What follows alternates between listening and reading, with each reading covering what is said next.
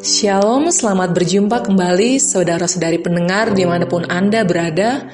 Kembali lagi berjumpa dengan saya Anastasia yang akan menemani Anda semua selama beberapa menit ke depan. Pada kesempatan kali ini, kita akan membahas tentang nilai integriti, yaitu salah satu nilai inti perusahaan kita yang ada di dalam sincere, yang memiliki makna kejujuran, keterbukaan, dan juga tanggung jawab. Untuk membahas lebih dalam mengenai nilai integriti ini, sudah bersama saya Miss Mary Krisanti dari Gereja Kimi Tembagapura. Tetapi sebelum kita masuk ke dalam pembahasan yang menarik ini, kita akan putarkan satu pujian untuk saudara-saudari pendengar semuanya.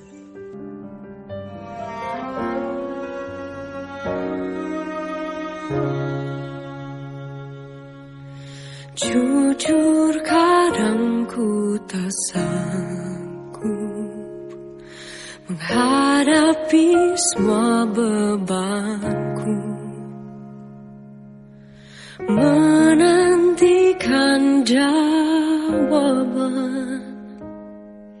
Menolak untuk menyerah. Ku tahu kau Tuhan yang sanggup Menolong dalam sesakku.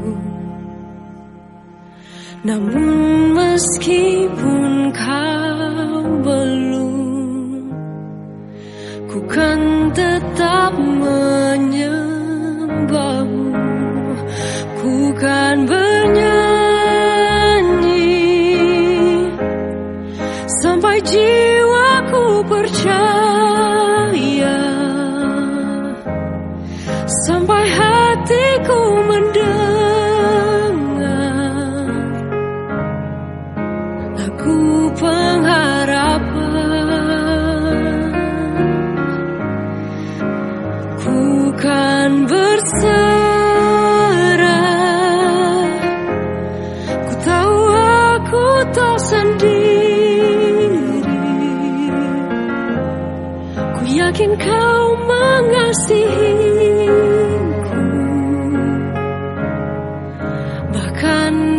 dalam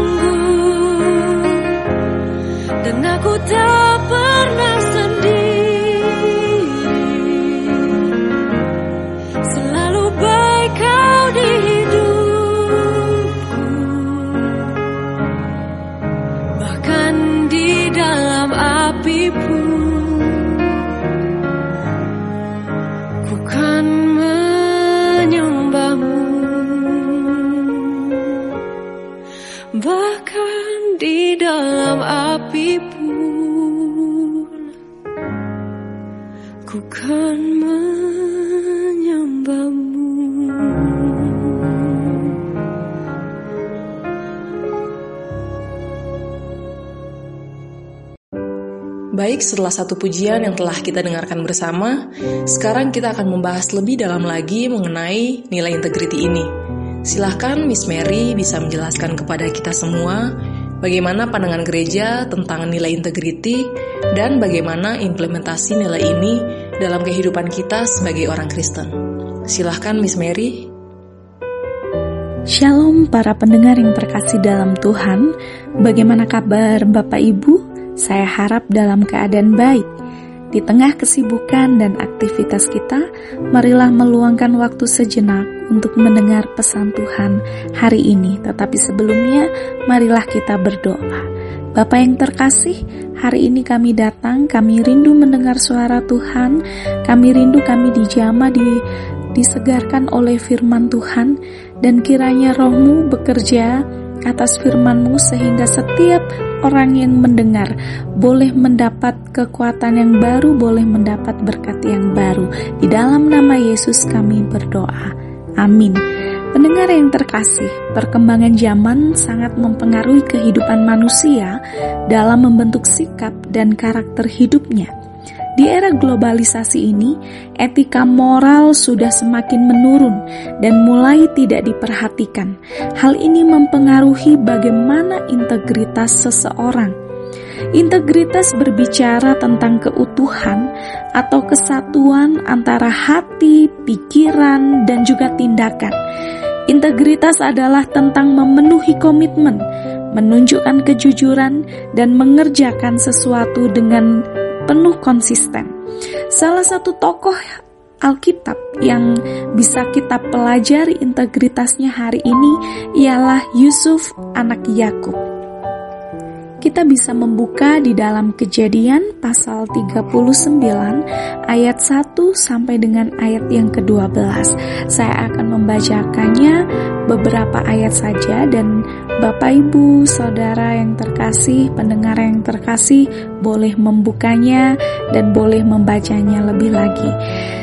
Kejadian pasal 39 ayat 1 Adapun Yusuf telah dibawa ke Mesir dan Potifar seorang Mesir pegawai istana Firaun kepala pengawal raja membeli dia dari tangan orang Ismail yang telah membawa dia ke situ. Tetapi Tuhan menyertai Yusuf sehingga ia menjadi seorang yang selalu berhasil dalam pekerjaannya. Maka tinggallah ia di rumah tuanya orang Mesir itu. Setelah dilihat oleh tuanya bahwa Yusuf disertai Tuhan dan bahwa Tuhan membuat berhasil segala sesuatu yang dikerjakannya, maka Yusuf mendapat kasih tuanya dan ia boleh melayani dia. Kepada Yusuf diberikannya kuasa atas rumahnya dan segala miliknya diserahkan kepada kekuasaan Yusuf. Sejak ia memberikan kuasa dalam rumahnya dan atas segala miliknya kepada Yusuf, Tuhan memberkati rumah orang Mesir itu karena Yusuf, sehingga berkat Tuhan ada atas segala miliknya, baik di rumah maupun di ladang. Pendengar yang terkasih, Yusuf adalah pengerja yang mempunyai kualitas unggul. Yusuf melakukan segala sesuatu bukan karena pengaruh lingkungan, melainkan karena ia bertanggung jawab terhadap dirinya sendiri dan juga bertanggung jawab kepada Tuhannya. Di dunia tipu-tipu sekarang ini, banyak orang yang membangun image hanya supaya terlihat oleh orang lain. Kadang-kadang kita mendapatkan apa yang ada di sosmed dengan apa yang terjadi di dunia nyata sangatlah berbeda dan bertolak belakang. Begitupun di dunia kerja, banyak orang membangun image hanya ketika dilihat orang, dilihat atasan, atau istilah sekarang disebut pencitraan. Tapi dalam dunia kerja Yusuf, hal ini tidak kita temukan. Ia adalah orang yang sama, baik ada atasan ataupun tidak ada atasan. Dia bertanggung jawab dan dapat dipercaya.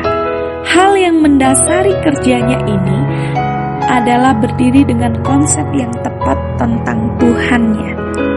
Yusuf melihat Tuhan dalam segala hal yang ia kerjakan. Ia menyadari bahwa atasan tertinggi dalam melakukan pekerjaannya bukanlah manusia, Waktu itu dia bekerja dengan Potifar.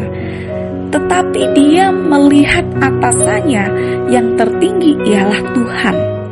Yusuf memiliki integritas. Hal ini dapat kita lihat di mana pun ia bekerja, yaitu baik di rumah Potifar maupun di dalam penjara ketika waktu itu dia harus terjerumus karena satu hal dan dia harus dipenjara.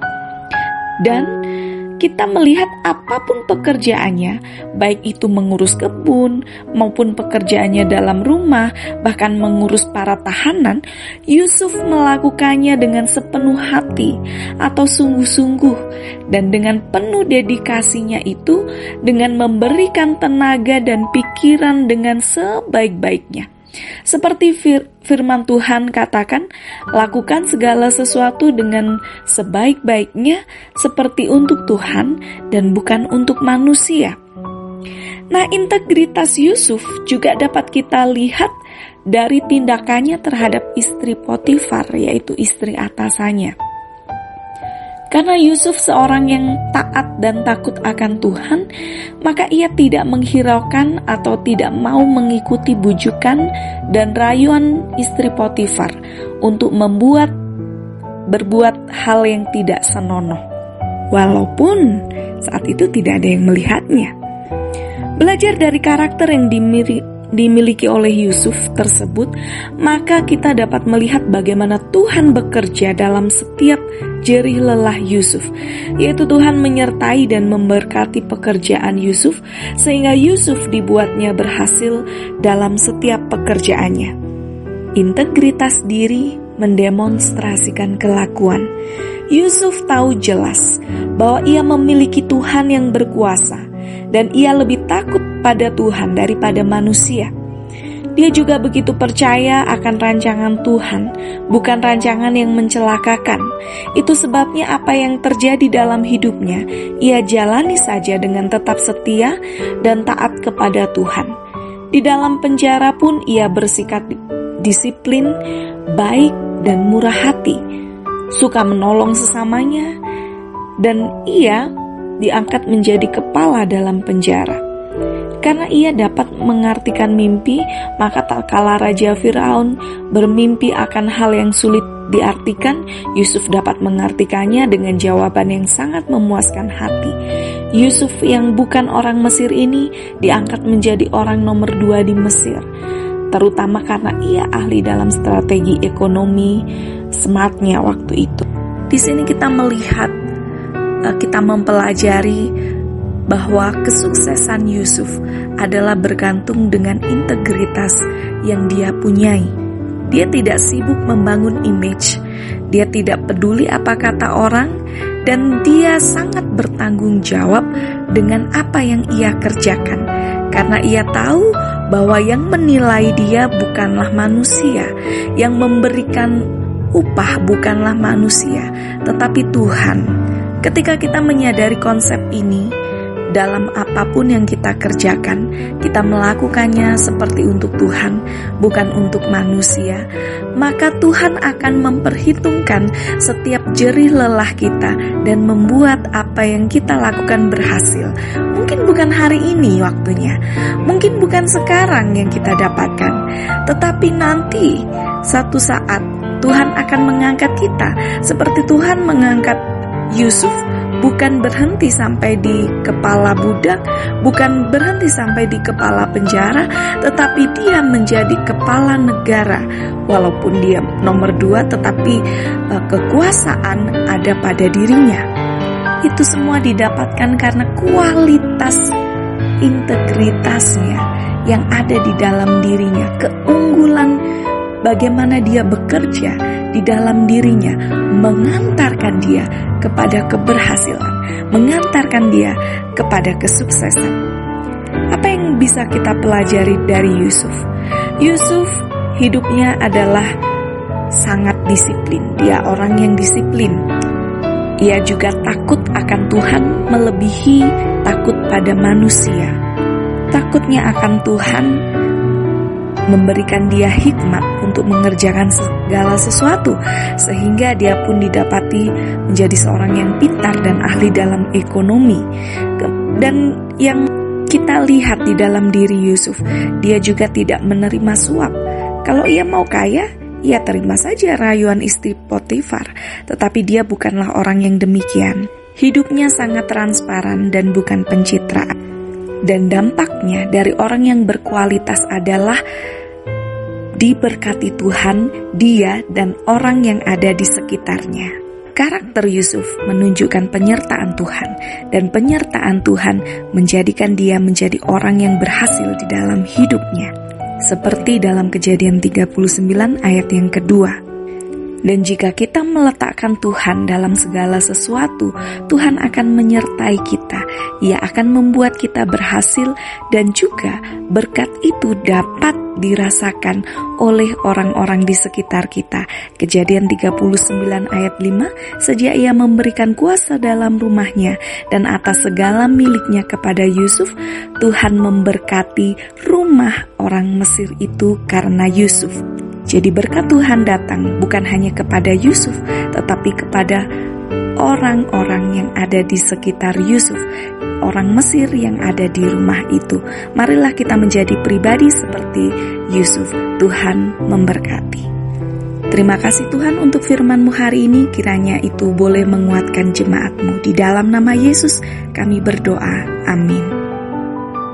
Baik, terima kasih atas pemaparan dari Miss Mary yang sangat baik mengenai nilai integriti. Tadi disampaikan ada beberapa poin tentang pandangan gereja terhadap nilai integriti ini, kemudian ada juga tokoh Yusuf yang dapat kita pelajari maupun teladani bagaimana ia menerapkan nilai integriti dalam kehidupannya, serta bagaimana nilai integriti ini dilihat dari sudut pandang kekristenan. Dan yang terakhir, ada juga harapan maupun ajakan untuk kita semua agar dapat menerapkan nilai integriti dalam kehidupan kita maupun setiap pekerjaan yang kita lakukan. Sekali lagi terima kasih kepada Miss Mary untuk waktu dan pemaparannya dan juga terima kasih kepada saudara-saudari pendengar yang tetap setia mendengarkan siaran radio ini. Sampai jumpa di lain kesempatan. Tetap jaga kesehatan dan Tuhan Yesus memberkati. Salam sincere.